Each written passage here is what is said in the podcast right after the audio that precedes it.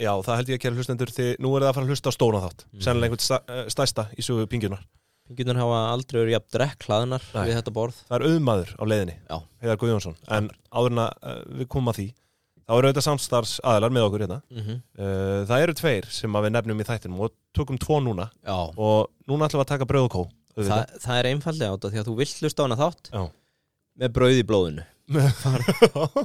Farðu og keftu þér eitt súrdegsleif Já. uh, snúðana. Snúðana. Og osta, þú vilt vera með chili í æðunum líka. sko, ef að krakkin byrjar að garga þegar þú ert að hlusta á heiðatala tróttu bara í hann chili ástaslaufu Hann steinþýr Já, nei, aðlugan verið með brauð í blóðinu? Já, svo er það sömulegis landsbankin það er, það er hérna dýlvikunar á aukakrónum. Já, mjög gott að fara eftir þátt. Já, og byrju, hvert myndur þú fara? uh, ég myndi fara á Joe and the Juice. Joe and the Það er Juice. nefnilega dýl dagsins. 8% endurgreisla, takk Já, fyrir Jói Djúsari Hvert einasta skipti sem þú strauða kortið þar? 8% cashback tilbaka. Já, mælum með að taka það í smáralindinni. Hjarta Já. Kópavox, Yes, rétt fyrir neðan uh, nýja miðbæinn. Já, sammála því.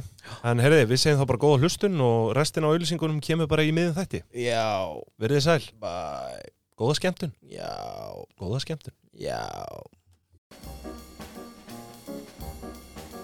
Þetta er gott svæp, þú heyrir það? Já, já, já, já, já.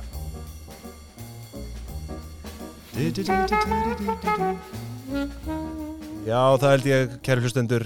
Það er förstaskaffið 11. november uh, verið velkomin að tækjónum Við getum lóksins tilkynnt, það er komin uh, þriðið þáttastjórnandinn í binguna Þetta er velkomin, Heiðar Guðjónsson Já, þakk. Takk. velkomin, farin uh, af sín og komin í, í Pingjuna. rís, rísandi fjölmiðlaveldi Pingjunar Já, mér líst vel á þetta. Er Það ekki? Það ekki? Jú, jú, jú. Kjölfestu fjárfestir hér og, og Já. hjálpar okkur að dýfka okkar pingjur Já, Ég vona það. Ég er nú bara aðalega að hlusta á þess að Nova lofsöngvað sem það hafi verið með hérna í þátt. Já, akkurat emitt, já, já Það er ekki gaman að því? Jú, ég velti því fyrir mér hvort það veri keift um fjöllun. Já, meina það. Þetta er samstarf, þetta heitir samstarf í dag. samstarf, Ok, þetta ok. er samstarf. En það er ekkert samstarf okkar á milli. Nei, nei, já, jú, Nei, við náttúrulega, við ætlum að, hérna, þú lappar út drekklaðin að Lavazza. Já, já, Já, ég drekk ekki kaffi, þannig að ég geti gefið mér eina Pepsi Max. Já. Já, já, Það er díkaf kannski. Ég er alveg sem Já, að ég myndi taka díkaf. Já, Já, ég já þannig að þú drekkur Við erum með það, kaffi Drekk aldrei eða kaffi. aldrei kaffe En ég gæti alveg tróðið í mér, eh, tróðið í mig einu bolla sem væri ekki með koffinni. Já, já, Lavazza býður upp á það Hvern- Hvernig stendur á þessu? Já, Kaffi fer bara ekkert sérstaklega vel í mig. Ég notaði þetta, ég var í oljuleit, var mikið að fara til Kína Mm. út af því og þá bara ég fekk með kaffibotla þetta er svona hinum einn á nettinum og tíu tíma munur eða eitthvað Mhm. þá bara þurfti ég ekki að sofa. Já bara, þetta hefur svo svakalega örfandi áhrif á mig. Já. Ef ég myndi fá mig kaffibotla núna með ykkur Mhm. þá held ég að ég myndi sopna aðfyrir nátt sundags. Já. Já, það, þú bara tjúnast upp Já, Þannig á það að vera, og er- við, er- Lavazza-menn, við viljum fá hérna, espresso Ég er svona, sko. Þú- okkur, veist, ég, Þetta hefur rosalega svona taugatrekkjandi áhrif á mig, sko. Eða bara, já, þannig að ég bara ekki eftir hátið á mig, sko.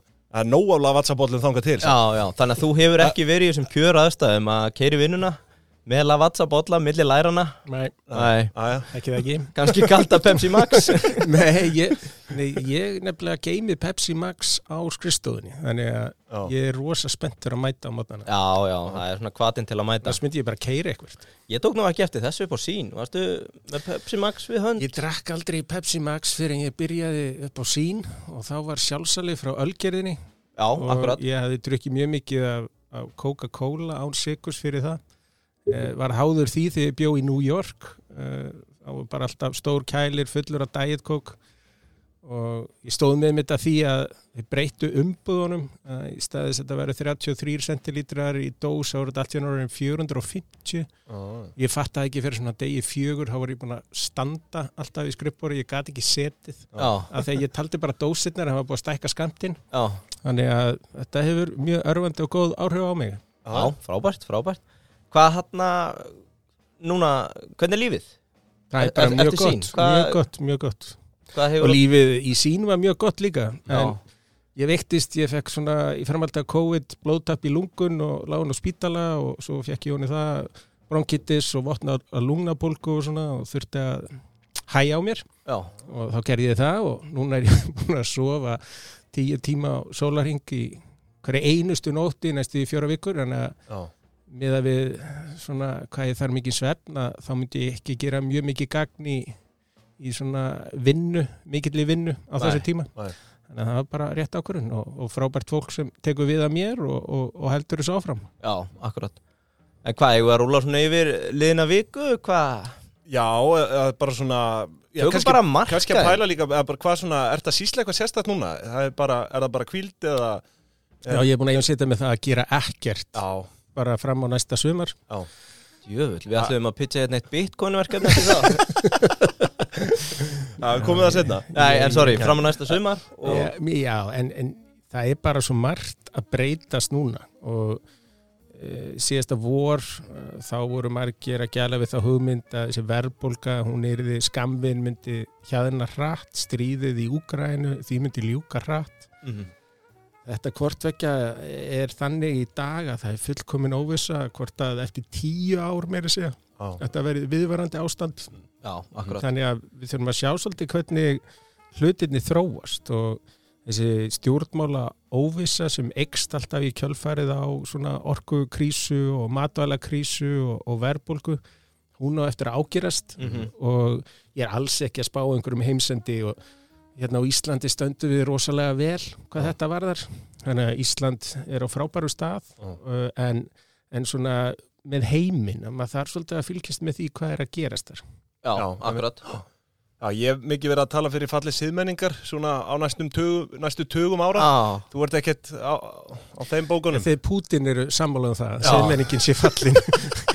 Já, kannski ekki fallin en svona farin að reyða til falls það eru þetta margir áhættu, áhættu þættir aðna Já, Nei, nei, nei, nei, nei, nei, nei, nei, segir nei. þetta bara svona í Si- létt út si- sko. Siðmenningin er alls ekki að falla en, en það er svona óheft heimska sem hefur átt upp á pallborðið mjög víða. Bara ég Já. get ekki dæmi að í, fyrir tveim veku síðan þá var hollenska þingið og, og, og kanadíska þingið voru að banna sagt notkun áburðar í landbúnaði. Já, Þannig að sá það þetta. að skerða um 30% á næsta ári notkun Mhm.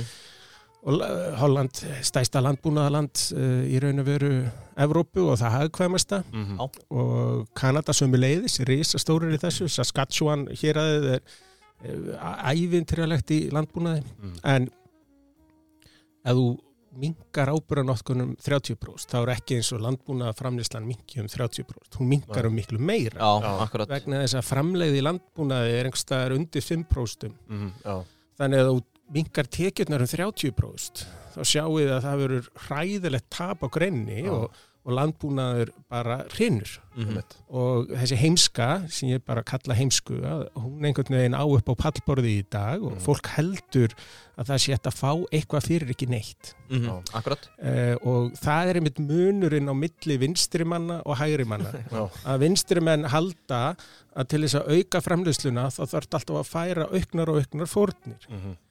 Uh, á meðan hægri menn skilja að vegna tæknibreitinga er rumvöldlega hægt að gera meira fyrir minna.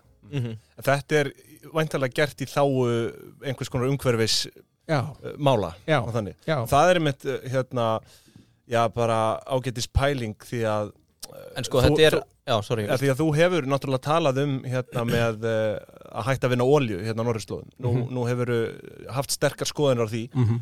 Þannig að þú, þú stendur í þeirri trú að það þurfi ekki að draga úr endil, eða framleiðslu eða neyslu til að hérna, ráða þennan, að kveða niður þennan lofslagsvanda. Já, Eh, sko, þetta er tvíbent Já. uh, vegna þess að það eru búin að vera orkuskipti í gangi um margar aldir og, og mörg ár þúsund eila má segja Mhm. Og við erum alltaf að nýta betur og betur orkuna. Eitt lítið dæmi er þegar við vorum að ofveiða kval í Allandshafi til þess að ná í lísið, Mhm. til þess að hafa ljósgjafa. Uh, síðan þegar óljan kemur og, og standard oil verður til að það er hægt að taka kerosón, það er að taka steinolju úr Mhm. ráolju og þá má segja að óljan hafi bjarga kvölunum Já. vegna þess að þá þurfti ekki lengur að veiða kvali til að búa til ljósmeti, það var að vinna olju með miklu minni tilkostnaði. Mhm. Síðan þegar Edison kemur með rafmagnið kringum 1880 þá heldur menn eins og meiri þess að Rockefeller að þá var í olju bransin búin Mhm. en þá á sama tíma eru menn í Þískalandi og Austuríki að fykta með sprengirheifla Mhm. og uh, þeir vinna á bensíni sem var svona hratið úr steinolíu vinslunni og þá loksins kemur annar orkugjafi og svo stiga stíi og þannig að það sem við erum að gera, við erum hægt og rólega alltaf að færa okkur yfir í öflugri Mhm. orkugjafa sem skilja minni svona umhverfis áhrif eftir sig Einmitt.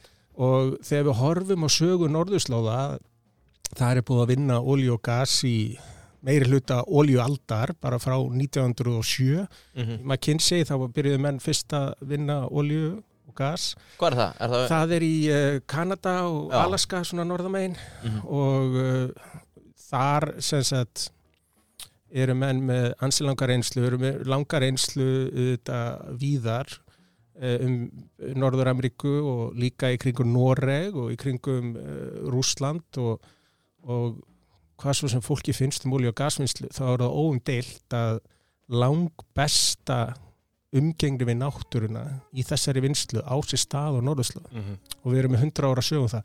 Þannig ef einhver ætlar að banna þessa vinslu á norðurslóðum þá færir hún sig bara einhvern annan. Já, ég er sammála því og til landa sem að virða, þú veist, kannski ekki umhverfis eða mannúðar enga veginn, bara eins, og, eins, og, við gerum Akkurat, það, það, þetta, þú ert bara dóltið að flytja vandan.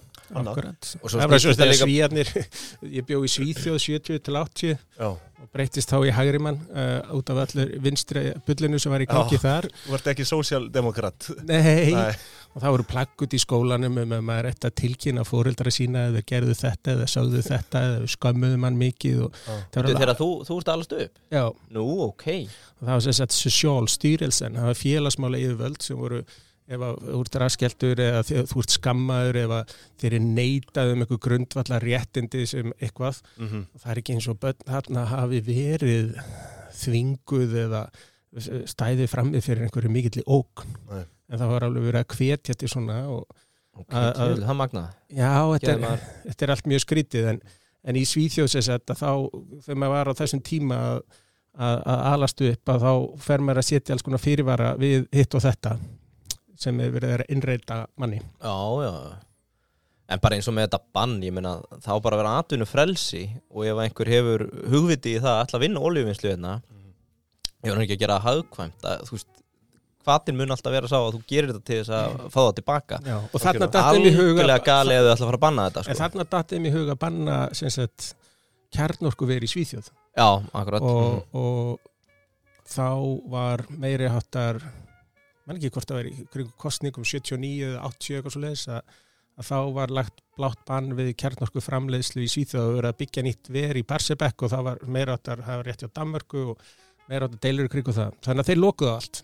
En fóru þá staðis að framleiða kjarnorkuna sjálfur á, á undir ströngu eftirliti að flytja inn ramagn um streng frá Eistrasalti sem var ramagn sem kom frá Tjernobyl sem var eitt misefnaðasta kjarnorkuver uh, sem sögur fara af. Já, þannig eins og þú sagðir að færa annar, eh, vandan annað mhm, þetta er svona dæmið um það. Já, einmitt. Já, líka bara gali að banna þetta, að mínum mati. vegna þess að eins og ég gert núna í Evrópu uh, að það er verið að kveiki eftir á kólorkuverum Mm og kólorkuver menga alltaf hundraðfalt á við gasorkuver. Mhm. þannig að hvernig er þetta Já. fram á við? Það er náttúrulega einmitt erfitt að ætla bara loka á alla þessa framleiðslu sem að er svona kannski hugmynd dóltið vinstri manna Mhm. að, að, að bara shut it down sko, en þú veist, auðvitað er það ekkit hægt ef þú ætlar að ná einhverju einmitt framþróun í þessum efnum en þetta er svo viðkvæmt jafnvægi á milli, þú veist, hvenar við erum fann að menga bara það mikil út frá þessu og það er ekkit nýtt að gerast sko Já, Já, en, en, en sko, ef við horfum á bara jörðina í dag, Mm. horfum á stöðu mannkynsins, Mm. horfum á eins og hann Rostling, sænski læknirinn sem lést fyrir aldur fram, eh, skrifaði bókum, eh, hvað sem hún heit, heitir aftur, að eh, eh, þar er hann að fara í gegnum það hvernig læsi er, eh, hvernig mentun batna er, hvernig jafnrétti er, hvernig næring fólks er, langlífi og annað. Er það einhver af þessum? Factfulness? Já, factfulness Mm, mm, já. einmitt, einmitt. Mm. að mannkynni hefur aldrei haft það betra Mhm. Nei, þannig að hvers vegna hafa þá aldrei verið til fleiri domstagsspámen mhm, um að allt sé að fara til fjandars Já. og það held ég ég er náttúrulega, þetta er bara svona mín eigin tilgáta að komi til út af því að fólk trúi því að til þess að einhver hagnist þá þarf einhver annar að tapa. Mhm.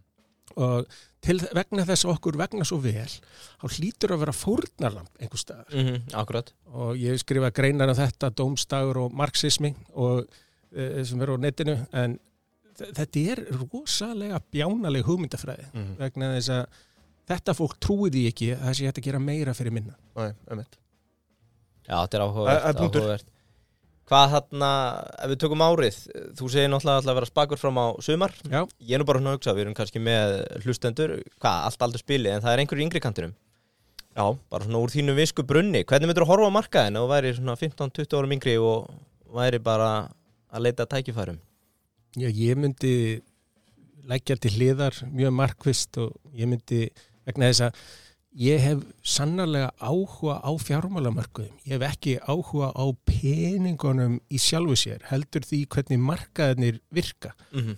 og síðan segjum sér svo að maður skilji markaðina þá, þá verður alltaf auðveldur og auðveldara að, að hafa eitthvað út úr þeim spádómum og á ensku er þetta talað edge, það er að, að hafa sagt, eitthvað umfram Mm og þeir sem er ekki búin að kynna sér ásreikninga, lesa hagtölur, skoða hvernig flæði er inn og út úr einstökur hlutabrifi og svo framvegis og hvernig bara yðngreinin er að þróast og svo hagkerfi í hilsinni.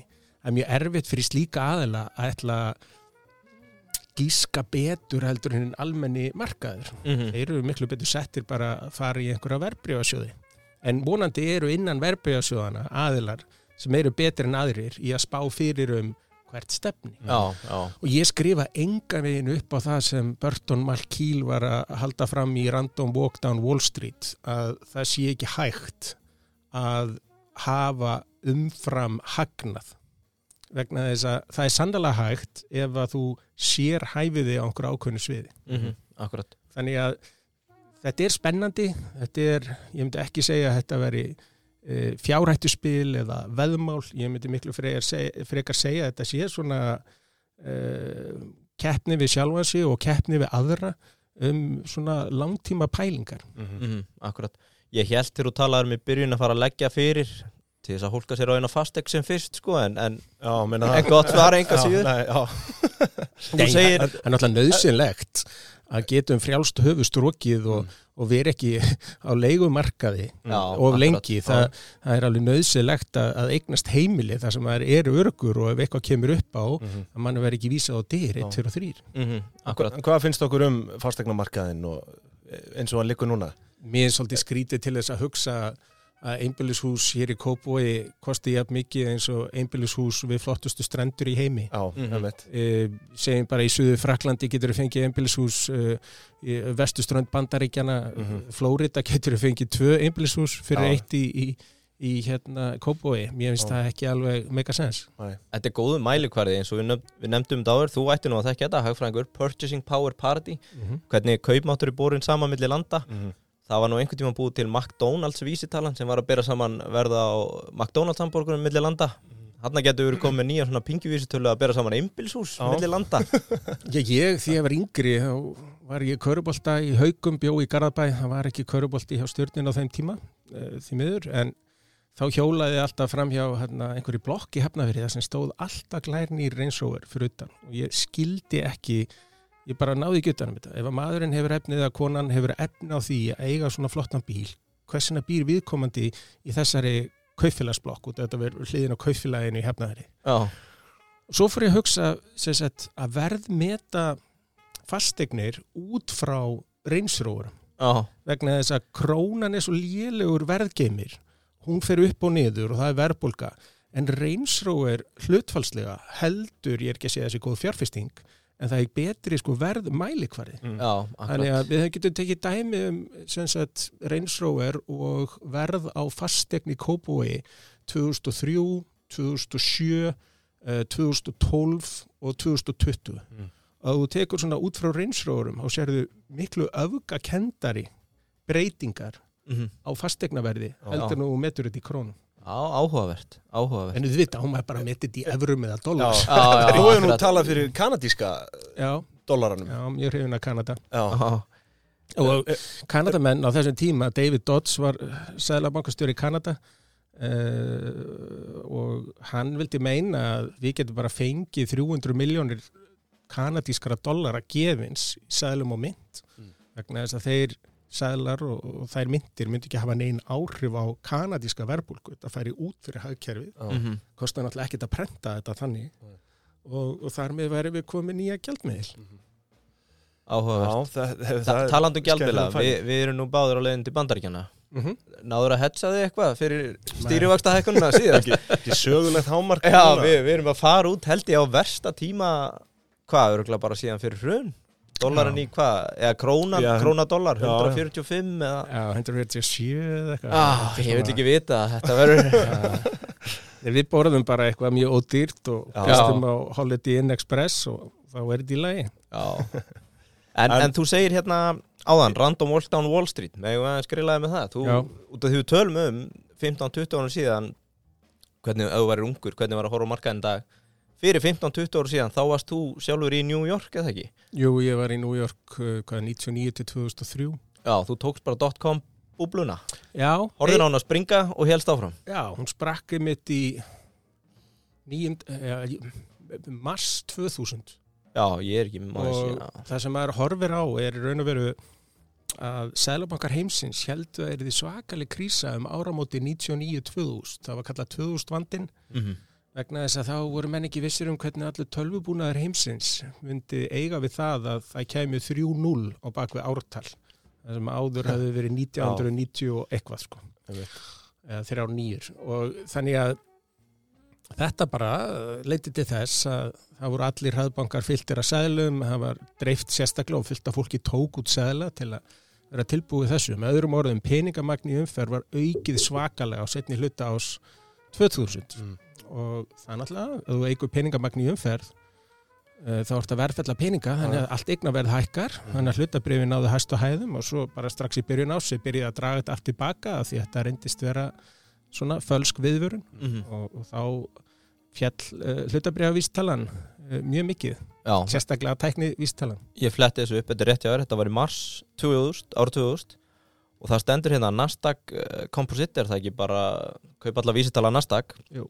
400% upp frá 1995 til 2000 Mhm. Já, og 95, ef mann rétt, þá var Netscape skráða markað uh, sem var svona fyrsti vef vafrin Já, akkurat. Og, og það svona er kannski upphafið að netbólunni, þannig að hún livði þarna alveg 95 til ásloka 99 og einn fjárfæstir hef mikið dálati á Julian Robertson sem rak Tiger Management sem var risa vonasjöður Já. hann, hann byrjaði að gefast upp á þessu eða sem sagt sagði þetta verið þvæla og fjárfæsti áfram í böngum og fjárfæsti áfram í General Electric og einhverjum hefðbundnum fyrirtækjum, miðinfyrirtækjum og verslunarfyrirtækjum. Mm en svo lokaði hann einmitt þessum 25 miljardar dollara sjóði eða hvað það var í áslokk 99, þá gafst hann upp. Hann var búin að vera short tækni fyrirtæki og annað. Mm.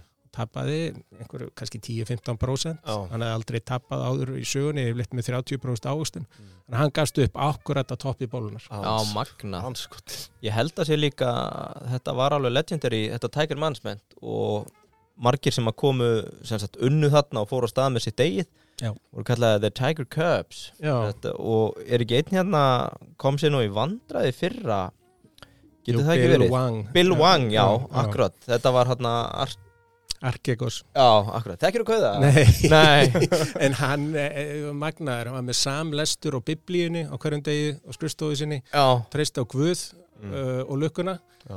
og doblaði alltaf var með mjög sem sagt, einsleitt uh, veðmál mikið tæknifyrirtæki í Kína og tæknifyrirtæki almennt og var hann risa stór í ákveðnum hlutabrjöfum og svo náttúrulega koma skuldadögum og, og þá uh, er þetta eh, sérstaklega skrítið með hann hann Uh, hvað mitt ár þetta, þetta gerir svona í COVID-inu að- já, það er hérna ja, 2021, þá já, kemur 21, já.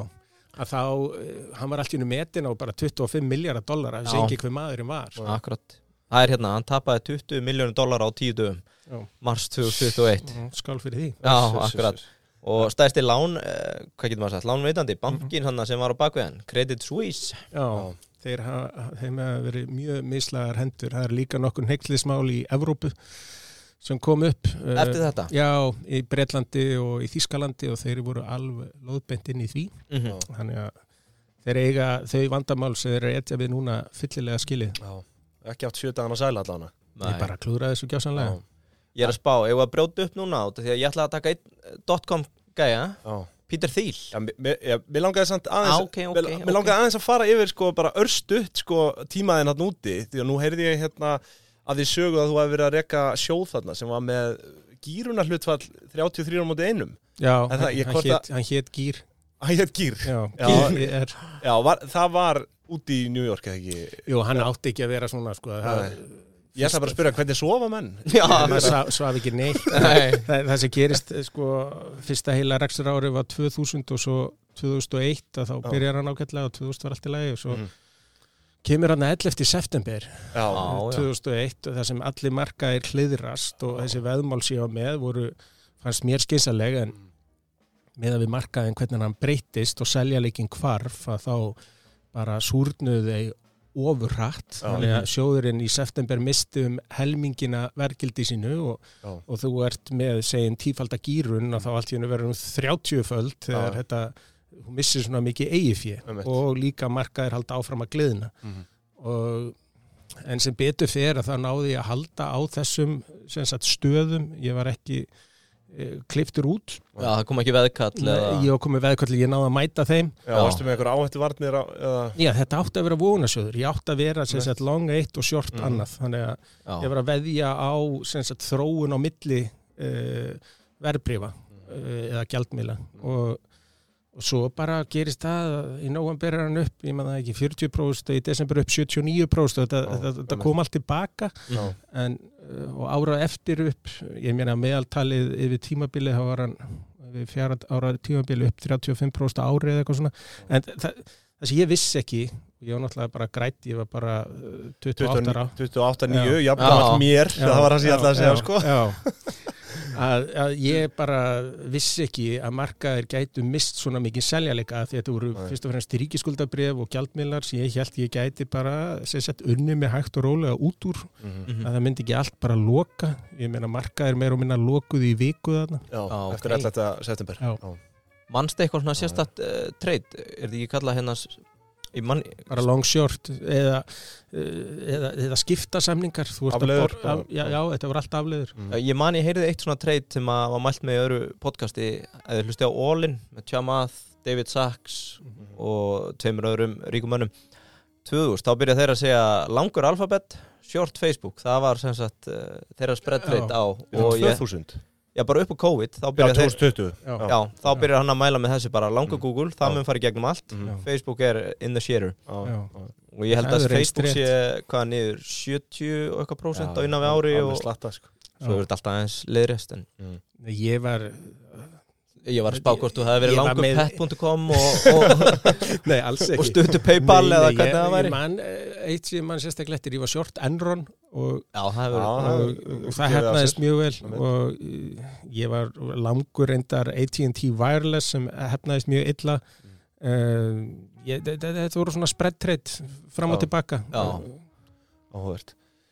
Þú ert með hvað? Peter Thiel? Já, og fyndi Það dreipa eins og honum? Já, og líka það er sérstaklega gaman út af því að hvað, þú segist þekkja mannin eða þú Já, hefur ég hitt hitt hann Rættu það hérna fyrir þátt. Já, já, Já, áhugaveru karakter eða? Já, mjög. Ég hitt hann fyrst sem sagt 2003 svo hitti ég hann hann að 4-5 líka. Já. og hérna nokkru sinnum og hérna við eigum samilan vin uh, sem er unnið mikið með honum og, og þá uh, þegar ég hætti síðan uh, hjá Novator 2009 þá fyrir til Sviss og er þar og þá er ég að vinna í uh, svona pælingum í, í viðskipt áætlun með þessum tveimur mönnum í að búa til nokkuð skonar nýjan sæðlamakka Já, og þetta er ekki bitcoin en Nei. en, en hugmyndin er þannig að búa til fót einhvers konar ekki beint gullfót heldur frekar kannski próteinfót eða ráfuru fót Mhm. sem í raun og veru það er ekki hægt að misnota sæðlaprentuna valdið þú, þú veist alltaf að þú getur innleist viðkomandi gjaldmiðl og fengið þá svona mikið olju, svona mikið af af, af, af próteini og svo eða Já, þá ertu með framvirka samning á bak við þetta Já. og þá er það bara prótein fyrir fólk, eh, sem sagt orka fyrir fólk og svo orka fyrir vélar. Og þi, þið voru að vinna saman að þessu Já. Ok og þú veist að við erum hérna í Sæðlabanka Kópavox og okkur vantar smá fjármagn eða ef að hugmyndir er ennþá á lífi Nei, já, og það við skilta plana einhver staðar. já, já, já. það væri gaman að sjá það Já. getur kannski að vera að byrta gömul viðskipta plön En þetta, ég hef ennþá trú á þessu vegna þess að þjóðar gjaldmiðlar, sérstaklega núna eftir fjármála áfallið sem reyði yfir heimsbyðina 2008, Mhm. þá eru sælabankar heimsins ekkert lengur sjálfstæðir og það er eiginlega búið að samina e, fjármálaráðneti allara landa og sælabanka og við sjáum bara hvað ríkiskuldir hafa aukist og, og hvernig sælabankar í dag þurfa að haga sér algjörlega eftir e, hvað getur maður sagt ákalli, já, ákalli fjármálaráðherrana og Mhm. og ríkistjórnana og þá þarf í raun og veru gjaldmiðl sem er ótengdur stjórnmálunum og ótengdur einhverjum svona þjóðarhagsmunum. Það þarf bara alþjóðlega gjaldmiðl sem passar upp á það fyrst og fremst að varðveita verðgildi sitt. Mhm. Já, nú, nú ertu svona doldið að tala um hérna, lýsingar á eins og Bitcoin sem er svona decentralized hva, Ertu hrifin af rafmyndum yfir höfuð? Nei, Nei, en ástæðin er svo að til þess að framleiða rafmynd þá notar þú óherilegt magna á orku. já, Ef að hún stæði á orku fæti og segja eins og svo að þessi orka sem færi í myndina að það var hægt að leysa nú læðingi aftur. einmitt Mhm. þá verður búin að geima orkuna og þá stæði þessi mynd raunverulega á orkufæti Mhm, þá er þetta framúrskarandi mynd einmitt. en eins og við sjáum núna það var sagt að fyrir það fyrsta að þetta væri svo fullkomið að þetta veri ekki hægt að, að, að stela þessari mynd, það verður ekki hægt að Já. falsana og, og núna er hver kauphöllin og Já, já. hvert utanumhaldið af öðru að brotna vegna þess að það hefur verið að misfara með þessi verðmæti Mhm. og þannig að það sem átt að gefa þessu trúveruleika Mhm, það er ekki til staðar Æ, einmitt. akkurat, akkurat en ef við þá ekki Já, að taka ég, sko, ég ætla að leifa þér að ég þú, orðið með er ekki, Thiel. já, ég, ég varð að vera með eitt lið Já, inn í þessu Já, já, og, og segja frá, segja sögur Já. en hann við höfum semst verið með hennar lið sem heitir Miljónamæringu vikunar þá svona tökum við, við höfum tekið Múskaran og, og hverja fleiri Séril Sandberg sem að stofna var hann CEO í Já. Facebook, þú þekkir hana Og þýl, náttúrulega Þýlarinn, hann Já. er í dag Já, Sumi kalla þetta einfallega bara kísukúlukall vikunar Lest, já, já, en, en ég ætla að segja heiðari kísukúlukall vikunar Já. en þetta er svona sambland af miljónamæring vikunar já. og sem hans Peter Thiel, 55 ára kanni en fættur í Frankfurt í Þískalandi vissið þið það? já, já. Stórmestari í skák Nú, Aha. hvað er hann Yellow, veistu það? Ég Er veit það það yfir ekki. 25 eða? ég, ég bara, en hann er mjög áhuga samur um það Við þurfum að spyrja skáka til sko kvöldmatt strákana, þeir náttúrulega taka, þú er nú komið þangað já, teltu þið það? nei, Já, þeir hafa farið gegn upprunnulega bóðskapnum, þeir eru hættir að tefla. Já, þetta er orðið chat eftir dark Já. Verða þannig sko. eða Já, drinka eftir já, það já, Svo er það. Já, fullir eftir kvöldmatt Herðu, hann er sem sagt í rauninni þessi armur af Paypal sem á endanum saminaðist við X.com og Elon Musk. Já.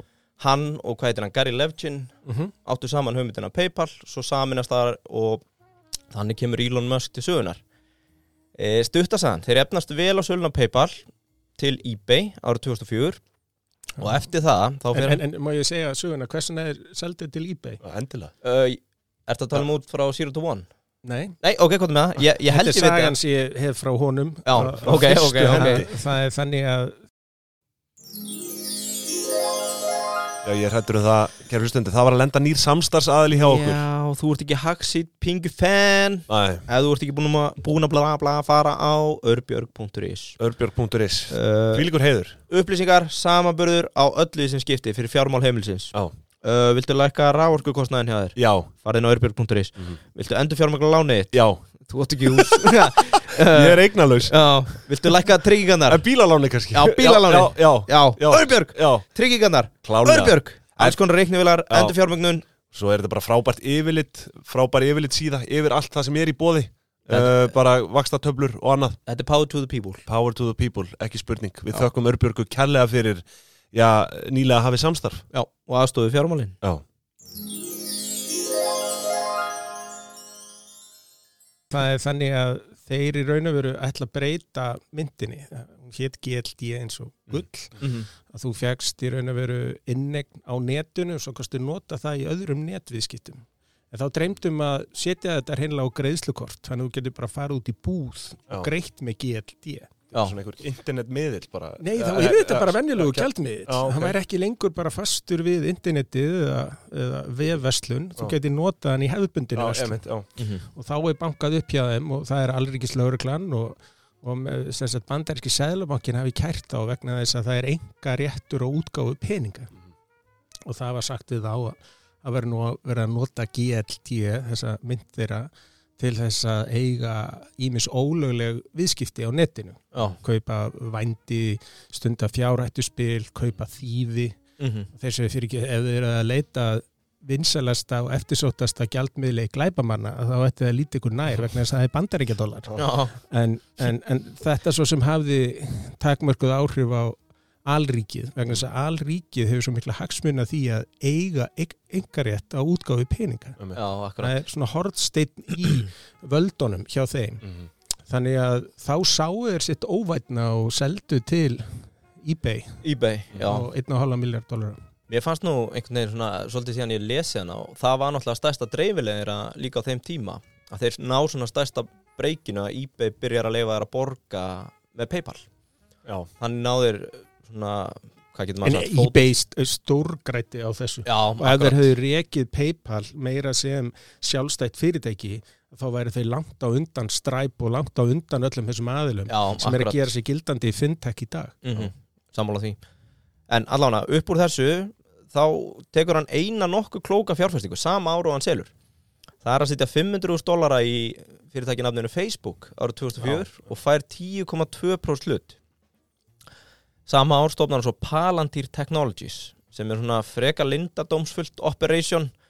Uh, ég heldur sér við með samninga við flesta ríkistofnanir bandaríkjana uh, miklu til í svona varnamálum þannig að það er ekkert mikið um það hvað er gera annað en að þeir eru að nota gerfigreind og eiginlega bara flest öll gögg sem til er um en þetta tengi sögunni sem ég var að segja á ok, já, já. Ástæðin er svo að þeir urðu allt í hennu svo ofsóknar róðir Já, um að akkurat. alríkið væri að fylgjast með þeim. Já, að þeir veltiði fyrir sér eigum við ekki bara búa til búnaðin sem alríkið notar til að fylgjast með okkur? Já, og, og, og, og Palatýr er náttúrulega ringadrottni sögu og, og hugmyndið þar á bakvið þannig að þá er þetta þannig að, að, að þeir fara inn í þetta og kanadíska leinithjónustan og örgistjónustan var eins og fyrsta sem notaði þetta og svo fór þetta til Mossad og svo fór þetta til Bretlands og svo Já, smásmann fór bandarækjumann að nota þetta.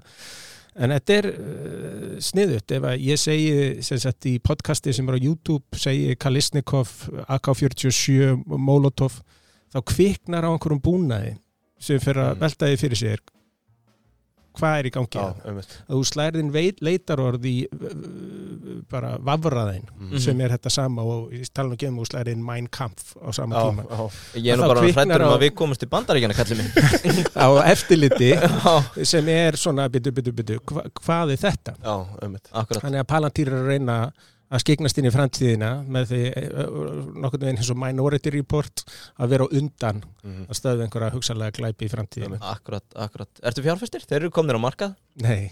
Fóru á markað 2020 Og hefur vegna hvað, mjög illa? Já, frekar illa Ég held að þetta sé down the shitter Aha, Já það er í klósettinu En sko, það sem ég ætla að ræða með hann Þetta er náttúrulega eins og þú segir Hann er svona mikill frjálsíkjum maður og, og hann stopnar hérna árið 2010 Það sem heitir The Thiel Fellowship sem hefur ekkit mikið verið rætt og rítað um Hefur heyrt um þetta? Já, já, já.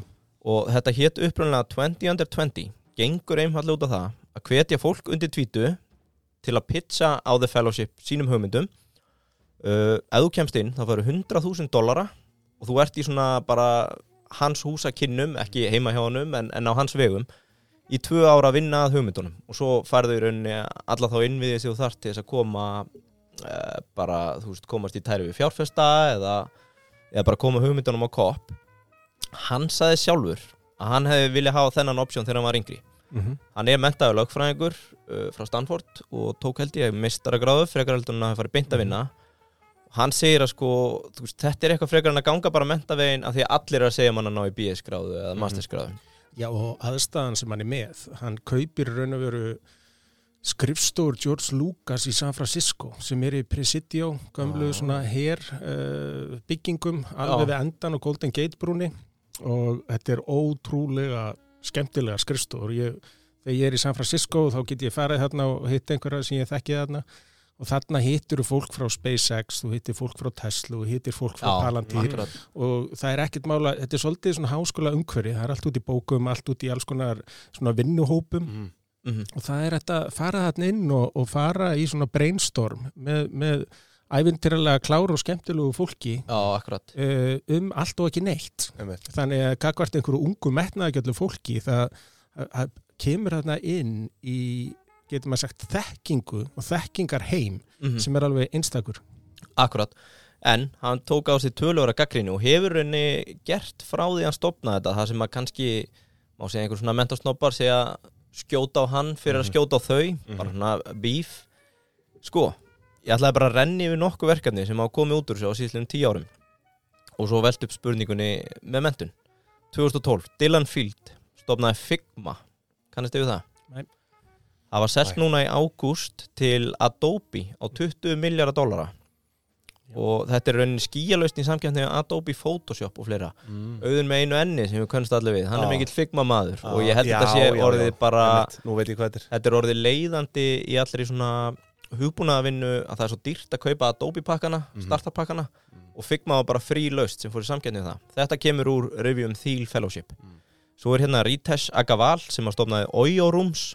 Það veitum það? Oyo stendur fyrir On Your Own. Þetta er þriðja stæsta og hraðast vaksandi hospitality keðja í heiminum Þetta er svona hybrid af Airbnb og hótel já. rekstri Þetta kemur 2013 Mm. og fer inn í Thiel Fellowship uh, Vitalik Buterin já, kannast þið við hann? stofnandi Ethereum Ethereum Já. uh, Hann að vísu var komin með The White Book fyrir það áður en hann fekk inngöngu Já, en það er rauninni þessi tvö ár sem að hjálpa honum að koma Ethereum á, á kopp sko.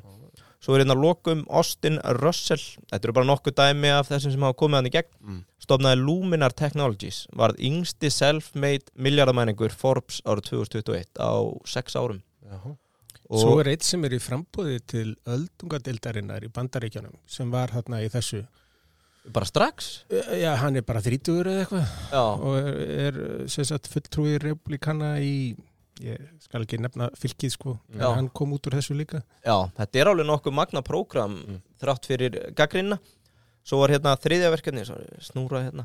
Ocean Cleanup, ég held að nú flestir heyrtu þetta, ungu drengur hollendingur sem aðeins sína að nota svona vélar og einhver svona tækni baujur til þess að þrýfa upp plastmengun úr hafi. Hafi ekki séð myndir af þessu, jú. alltaf verið að tala um mengun í hafi. Einmitt. Og hann sem sagt fór inn í þetta prógram. Og, og ég ætlaði nú svona bara að varpa upp uh, út af því við tókum háskólinni í Reykjavík og þetta Já, á að vera svona prógram á Íslandi Heiðars Fellowship eða? Já, ég, ég myndi segjum það. Já, eða Pingjan Fellowship. Já, þú, það þú, væri þú betra. kemur með peningin og við veljum inn. Það verið betra. En það er náttúrulega öfugt við Ísland að skólanir hann úti þeir kosta eins og eh, ég bjó í New York og London og með börn bara þess vegna í leikskóla. Mhm. að leikskólaplás kostar 5 miljónur ári hefðbundi skólaplás 6 og háskólaplás 7 Já, þannig að eh, fyrir hvert Galið, sko. þannig að krakkar sem er að fara þurfa ekki endilega að vera í enga skólum en, en síðan segjum við svo að ætla að fara í góðan háskóla eins og Stanford eða þessa ævilík skóla Mhm. að þau er, það þarf að borga með 7 miljónur ári og þetta fyrir þryggjára nám 20 miljónir að þú ert með ákveðna hugmynd eh, hvað þið rummulega langar að gera Já, hvers vegna ekki eigða tímanum þessum þremur árum í það Já, einmitt Mhm. Þannig að þarna er þetta öðru vísi heldur en hér á Íslandi. Hérna er þetta ríkið sem borgar skólagönguna Mhm. uh, og, eða námið. Þannig að það er miklu léttara hér og það er meira, segja, meira frelsi hérna, það er minni pressa, það er ekki sömu fjárútlát. Mhm. Þú getur þá bara unni með skóla. Tekið skólan kannski á, á hálfum hraða, á tvöföldum tíma. en, þú, en þú sjálfur, ef við spólum síðan aftur hérna tilbaka Ertu með master? BS? nei, nei Þú ég fór beint að, hagfræðingur? beint að vinna eftir bara grunnnámið. Já, akkurat Á meðan við tveir hérna keirum á okkur Já. masterskráðunar og, og Svo, svo okkur. fjárútlát Já, í háskólanum í Reykjavík og erum bara með hlaðvarp í dag Já, Nei, nei, við erum nú að gera gott mót Já, ég vona það, Ég ég, held að- vona það Já, ég held að okkur sé En bókið auðvitað það er fólk að spurja sig að þessu ég, ég, er þetta vegna þess að þetta er ekki bara skólagjöldin það er líka fórnarkostnaðurinn að fara á mis við tekjur á þessum tíma Já, að er þetta þess virði? Já, Mm. akkurat og það er svona held ég stærsta spurningin sem Já. að margir er að spurja sig sérstaklega þegar við sitjum uppi með námslánin sko, þegar Mhm. kemur að því að fara að borga þau hvena Mhm. munið það á endanum borga sig upp Einmitt. Hvað er the return on investment? Nei, en svo er þetta að taka eins og ég hef áhuga á einhverju ákveðnu og ég hef tekið bara hreinlega kennslubækur úr háskóla og lesið þær. Já, Ég þurfti ekki að mæti í tíman eða borga skólagjöldin, ég bara var mér út um bækurnar Já. og, og, og las þær og skildi þar alveg, ég þurfti ekki hjálp. Mhm. Þannig að það er alveg hægt að menta sér sjálfan. Já, Já, Og, ég tala nú ekki um að ef maður hefur brennandi áhuga þá, þá virkar það mun betur. Já, akkurat, akkurat Þetta er miljónum manningu vikunar kísukúla eða kísukúlu kall vikunar það er að sjálfsögðu í Górilla já, já. og þú, við þurfum nú svo sem ekki að spyrja þig þú ert ekki að bara ska með lagar einhver staðar eða, eða selja á netinu, neitt eða það? Nei, nei.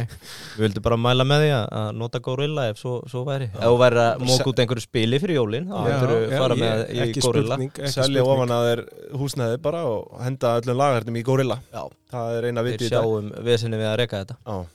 Þú hugsa bara um að selja já En hvað, fyrir við ekki að vera bara Já, þú veist, er það? Ef ekki smá eftir það? Jó, bara Það er svona Ert þú með einhverju spurningu fyrir okkur? Já, svo er það Já, ég, ég myndi vilja spyrja ykkur að því svona, með framtíð pingjunar og, Já. og, og svona hvernig líst ykkur á þessa samkeppni sem er í þessum fjölmiðla heimi ég meina þið fáið náttúrulega strax endurgjöf og allt sem þið eruð að gera. Þið Mhm. sjáu hversu margir hlusta. Mhm. getið þið séð hvenar einhver hættir að hlusta? Ef að eins og ég þætti, er einstaklega leðilegur Já. þannig að kannski einhver hugsa sér heyrðu, ég, ég ætla að hlusta á hann og svo bara eftir þrjár, þrjár mínútur. Nei, Já. Já, við sjáum sem sagt hversu mörg prósent er enn að hlusta eftir x tíma. Mm gerir Svona retention rate, sko. Og hefur það áhrif á það hvern, hvernig þið veljið inn? Það hefur gert það, já. Við höfum notað tölfræðina til að Já, bara gera betur eða lagfæra hvernig sem það er, sko. Okay. Þannig að, Þetta var alltaf þannig að Arna talaði fyrsta hálftíman ég setni og þá droppa þetta. Já, þannig að við ákveðum, við þurfum að fara að dreifa yngva jæmt inn í til að halda fólkinu. Þannig, þannig að ég hef ekki að líta á það að ég sé að koma núna að það sé vegna þess að þeir eru búnir með alla viðmjölendur heldur vegna þess að þið þeim haldið það. að er fyrstu, sko. Ó, já, já, já. ok, Hérna, en við og líka bara við vissum á að vera á lausu og, og Já, já, ok já, bara gaman að fá því fróður maður sem að hérna bara hefur að fá að taka viðtal við það er bara ekkit, já, engin spurning.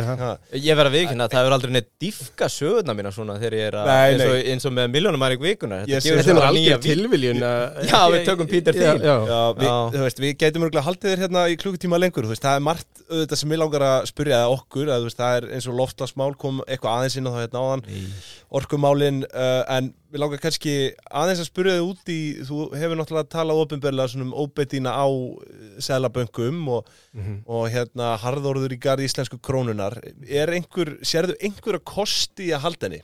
Nei. Bara enga, það er ekki Nei, nei, þetta snýst um það er fólk stjórnlind Já. eða er það frjálslind mm -hmm. ég bara tristi fólki fyrir því að fara með eigi fjö Mm Mhm. ég ætla ekki að ég er ekki, þó ég kunni fótum mínum forráð í fjármálum, -hmm. Ég er ekki það uppfyllur sjálfum mér að ég ímyndi mér að ég viti hvað er hverjum og einum fyrir bestu. Og ég taki af þeim völdin. Mhm. uh, ég, ég og eins og ég sáð áðan að sæðlabankar og þjóðargjaldmiðlar eru svona hortsteinn kúuna ríkisins á þegnum sínum, það var Ludvig von Mises sem sagði þetta, Mhm. en þeir í raun og veru búa til svona tangarhald sem við erum að sjá er að gerast núna í heiminum þegar það er viljandi sæðlabankar eru langt og eftir í að keppa við verðbólkuna Mhm. vegna þess að þeir vilja gætnan að það sé 5, 6, 7, 8% verðbólka Mhm. ég á ekki við Ísland vegna þess að Ísland er með svo mikla verðtryggingu en eins og í Evrópu Mhm. það sem frakkar skulda hátt í 300% af þjóðaframlæslu bara í ríkiskuldum það er rosa þægilegt fyrir þá að yfir 10 ára tímabil sé 60-70% verðbólka Já, þá minka skuldirnar á því tímabili um auðvitað. 60-70% já, Akkurat. náttúrulega og þarna er verið að færa bara eignir frá þeim sem hafa sparað Mhm. til hinna sem hafa sólundað Einmitt. og mér finnst ekki réttlægt í þessu Nei. Þetta er rosalega, ja, kannski sér íslenskt en jú, kannski verð trygging Mhm. Þetta er rosalega, jú, þetta er bara sér íslenskt Þetta er Það er ekki séríslenskt. mikið og um ástæð, þetta. ástæðan er svo að það var engin aðgangur af fjármagni mm. Þegar það var hér engin verðtrygging. Þetta var eina leiðin til að halda fjármagni innan landsins, Mhm. það var að bjóða upp á verðtryggingu. Mhm. Og á meðan við erum með verðtryggingu, Mhm. þá erum við með öðrum orðum með ónýtan gjaldmiðl. Vegna þess að hann stendur ekki jafnvætis öðrum hann hefur þessa hækju alltaf til að stiða sig við og það er náttúrulega bara meiri hátt að galli já, já. En svo eru sumir sem eru stjórnlindir og, og sem hugsa að ég hef bara gott að geta miðstýrt kerfinu, það er Mhm. rosa gott að geta felt gengið og, Mhm. og breytt þessu og hinu auki peningamagn í umferðið að dreigið úr því. Og ég tala nú ekki um að setja fjármála eftirliti inn með sælabankarum þá fáum við ennþá meiri miðstýringu. Mhm. bönnum bara öllu ungu fólki að kaupa sér fastegn, hækkum bara hérna, eitthvað, einhverja svona förðu hugmyndir sem koma, sem væru óframkvæmalegar ef við hefðum ekki íslensku krónu já, hérna. Ég náttúrulega er fyrstu kaupa eigandi bara svona í, nánast í þessum töluðu orðum sko. Og það, það ástandið hefur sjaldan verið jafn svart sko og það er núna. Já, og það er eiginlega bara búin að sí- sína fram á það sko, það er alltaf talað um að hafi alltaf verið erfitt að komast inn á fastegnamarkað þetta hefur alltaf verið erfitt en það er eiginlega bara, hefur ekki verið erfiðara núna uh, samkvæmt bara gögnum sko, mhm. í bara sögulegt samhengi. Og hérna, en já, þannig að þú ert þú, sko, er það almennt ert á móti gjaldmiðlum bara yfir höfuð að- já, ef þeir eru ekki alþjóðlegir já, þá er eitthvað að þeim. Já, ef þeir væ, ég meina svissneski frankin Sviss er ekki stórt hagkerfi. Nei. en þeir hafa bara passað upp á kaupmátt passað svo mikið upp á vergildi frankans að hann er alþjóðleg mynd mhm, og uh, í óvissu þá leita mjög margir í svissneska frankan og þeir vita að þeir geta treyst þeirri mynd til Mm. lengs, langs tíma þannig að það er ekki eins og þú þurfir endilega risastórt hagkerfi Nei. þú þarf bara góðan sæðlabanka og góða efnahagsstjórn mhm. og tala- og, og, og, og, og svisslendingar ná því á meðan Evran með 27-8 ríki á bakvið sig sem öll eru með sitt hvort fjárlögin mun aldrei ná því ég held að við séum næst minnsta sjálfstæða peningakerfi í heimi mm -hmm. eftir Cecileum Mm eða eitthvað svo leiðis Þetta er þekki krónan, þetta er bara örmynd Þetta er bara Ég ætlaði nú bara að spyrja, er þetta í fyrsta skitt sem þið líður vel í Sæðarbanka? Þetta er fyrsti sæðlabanki sem ég myndi koma aftur í. Já, akkurat, en þú ert þetta reyni í annarskipti Þannig að að þið leiði vel Ég vissi ekki að þetta héti Sæðlabanki Kópavóls þegar ég kom í það skipti. En ég mætt hérna þó ég sé svona kannski sjálfmentaðar hagfræðingur, ég hef unnið á fjármálamarkaði lengi er ekki með einhverja doktorskráðu úr einhverjum háskóla þá var mér bóðið að tala hjá World Economic Forum og G20 og svona lokuðum fundum sæðlabankastjóra og ég hef nú oft næstu komið út úr húsi á þeim fundum með því að Já. tala bara ofinberlega eða í þessum hópi um það hvað mér finnst um hvernig sæðlabankar er að vinna. Mhm. og það var þetta ofmat sæðlabanka á sjálfum sér að þeir trúðu því þyrftu bara eitt markmið og eitt tæki og þá myndi allt ganga upp. Þetta var einhver svona villitrú sem menn höfðu frá 95 til 2008 og svo er svo trú fókin út í veður og vind en þegar maður dyrðist til að mynda 2005-6-7 að gaggrýna þetta Mhm. að það var bara eins og guðspjall. Já, þetta er eins og í dag að tala illa um, um, um lofslagsmarkmiðin já, það bara má ekki. Nei. og það er alls konar svona viðtekinn trú sem er rosa þægilegt að hafa en þegar betur að gáð gengur ekki upp. Mhm. þannig að fólk þarf að vera með gaggrina hugsun og ef að ég til að mynda hef ekki trú á lofslagsmarkmiðum, heimsmarkmiðum, saminuðu þjóðana hef ekki trú á seðlaböngum hversin á einhver að skipa mér að hafa þá trú, hversin á Mhm. einhver að skipa mér að fjárfesta með þeim hætti frekar en einhverjum öðrum Mhm. er ekki hóllara fyrir hagkerfið þessu mismunandi hugmyndir þannig að þegar eitthvað kemur upp á og eitthvað breytist þá séu ekki allir með sömu stöðurnar á sama stað, á sama tíma Mhm. Algjörlega Ég var með eina hérna pælingu sem datt inn eftir þetta mm. uh, Tengist þessu reyndar ekki Fjölmiðlanir Já.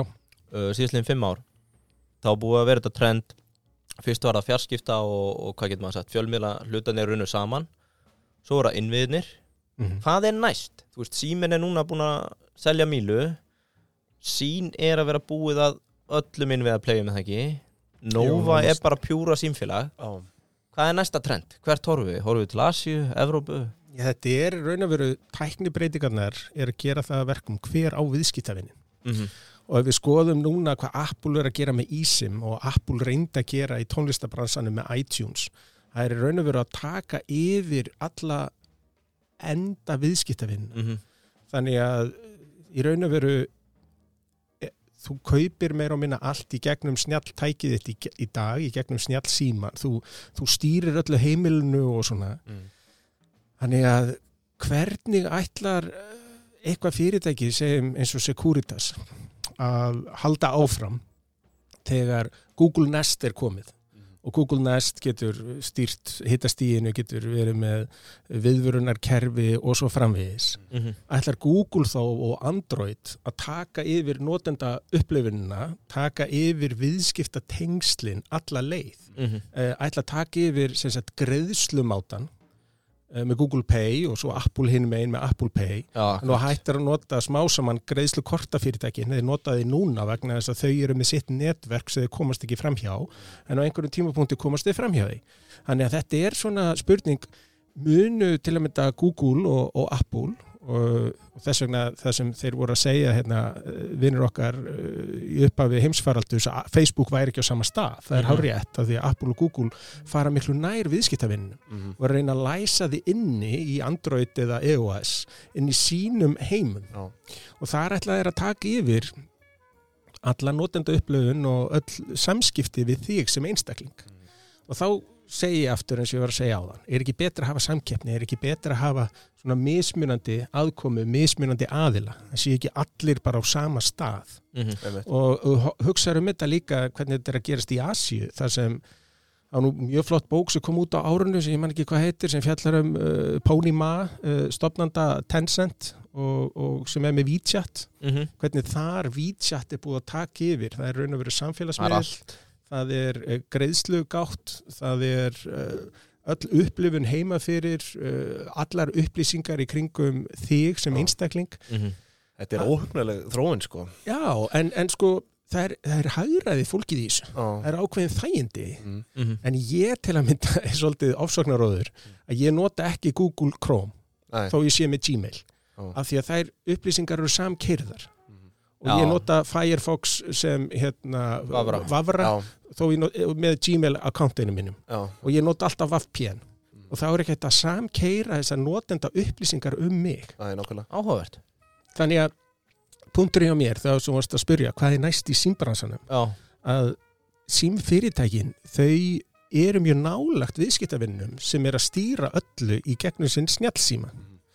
Og ég held að það verði satt best að segja að setja ákveðin takmörk á það hvort sem það er gert með lagasetningu eða bara með almennri vitnesku að fólk vill ekki afhenda segjum Tencent eða Apple eða Google allar sínar upplýsingar og trúa og treysta því að það sé hægt í stríð og friði að eiga svona nökralaus samskipti og treysta alferðið þessi fyrirtæki. Ég held þú viljir hafa einhvern aðila heima fyrir Mhm. sem er meira ábyrgur vegna þess að það er ekkert mál að fara í, í mál við sín eða Nova eða síman Mm. en einhver íslendingur sé að kvarta við Google eða Apple eða, já akkurat eða. WeChat, það skiptir einhver máli. Mhm. þannig að þessi endastöð hvert einstaklingi sem heldur á snjalltæki ég held að það sé mjög spennandi tækifæri fyrir símfyrirtækin hérna heima Mhm. menn geta sagt ég sín með sjónvarpstöð og, og síma er þetta ekki eitthvað svona uppfinningar síðan 1900 og eitthvað. Mm. en hvernig þetta er að saminast allt í snjalltækinu hjá þér að þetta býður upp á mjög spennandi möguleika ef að menn spila rétt úr? Já, Áhugavert. Algjörlega. Þegar þú varst út í Kína, varstu með WeChat? Sorry. Nei, ég þorði því ekki en, og svo náttúrulega Google uh, blokkerað. En það var á þeim tíma þetta er á árunni 2015 til 2017 að þá bara með komin á hótelherbyggja og settum við bara upp VPN Já, og akkurat. þá komstu fram hjá öllu Já, en uh, ég notaði ekki vítsett en þetta kýmverjarnir sem ég var að vinna með þarna uh, frá kýmverska ríkisolíufélaginu þeir voru með það og var magnað bara 2015-16 og vorum að lappa í Peking eða Shanghai og lappum fram hjá einhverju veitingastað þá klikkar hjá þeim, heyrðu það eru kjúklinganúðlur hérna á 30% afslætti. Mhm. þá fannst þeim greinlega kjúklinganúðlur góðar og Já, þessi þetta var- átti of mikið frambóð eftir hátdegið og Já. þá var þetta bara strax sett og afslátt og, Mhm. og, og, og, og, og, og veist, þetta er fyrir sjö árum síðan. Já, akkurat. Uppáhaldsfeature minn sem ég ætlaði að koma inn á Það var að þú gerst hrist símaðinn inn í WeChat Og þá varstu tengdu við einhvern annan random í heiminu sem var líka hrista síman sinn þetta, var svona Ertu fjárfæstur í smitten eða? Uh, Nei, Þau ætti að gera þetta, Já. bara rista smitten Já. og þá ferður bara svona Beint á random-. Já, og það sem kom út úr þessu var ótrúlegt hvað fólk einhvern veginn stækkaði vinahópsinn og, og þeir, þeir, þeir fóru á stað með þetta svona, sem hálfgert grín en þetta reyndist vera þvílíkt vinsæll fítus í svona forritinu já, akkurat, akkurat Heyrðu, verðum við ekki að fara að sleppa þér ég, inn í helgina? Svei mig þá Hvað gera auðmenn á förstu dögum? Nei, ég meina, það er ekki allir dagar eins Nei. Bara kampaðin og kaviar Nei, nei, ég fæ bara í, fyrir alltaf í ræktina og fyrir alltaf á mótnana og svo eru föstu dagar þegar maður er orðinn svona gammal þeir eru ekki döðurvísi bara miðgudegi eða, eða mándegi Þú ert kraft, kraftliftingamæður Já, ekki? mikinn áhuga á því Er ég hérna Aha. rétt að þú takir 140-50 í back? Já, Er það, Já. Jöfist, er það öflug? Ok, ég fór upp í 150 hérna í vor. Já, svo fekk ég blóttappa og þá hef ég Já, ekki komist að hátt en ég er kannski 140 núna. Já, ok, Hva, hvað er þetta í gyminu? Ég er í völklass út á Seltjarnis já, já, eina, vitið já, sko. já, já, já. Herðu, stórkoslegt Herðu, já, þá bara fyrir við að segja þessu loki hérna í dag. Bara, Bara þvílíkur heiður að fá Nei, þig. Hér er miklu frekar. Óttlaus uppspretta visku, myndi ég segja. Já. Það búið að vera dæl í okkur hérna. Ja, Takk fyrir, En takk fyrir hérna- Pepsi Maxið já, Já. það er góð Þá látum við þessu bara lokið e, í dag. Við verðum aftur með ykkur á þriðjudaginn, er það ekki, yngvi? Jú, Ég held það. Heyrjumst þá. Já, bye bye. Já.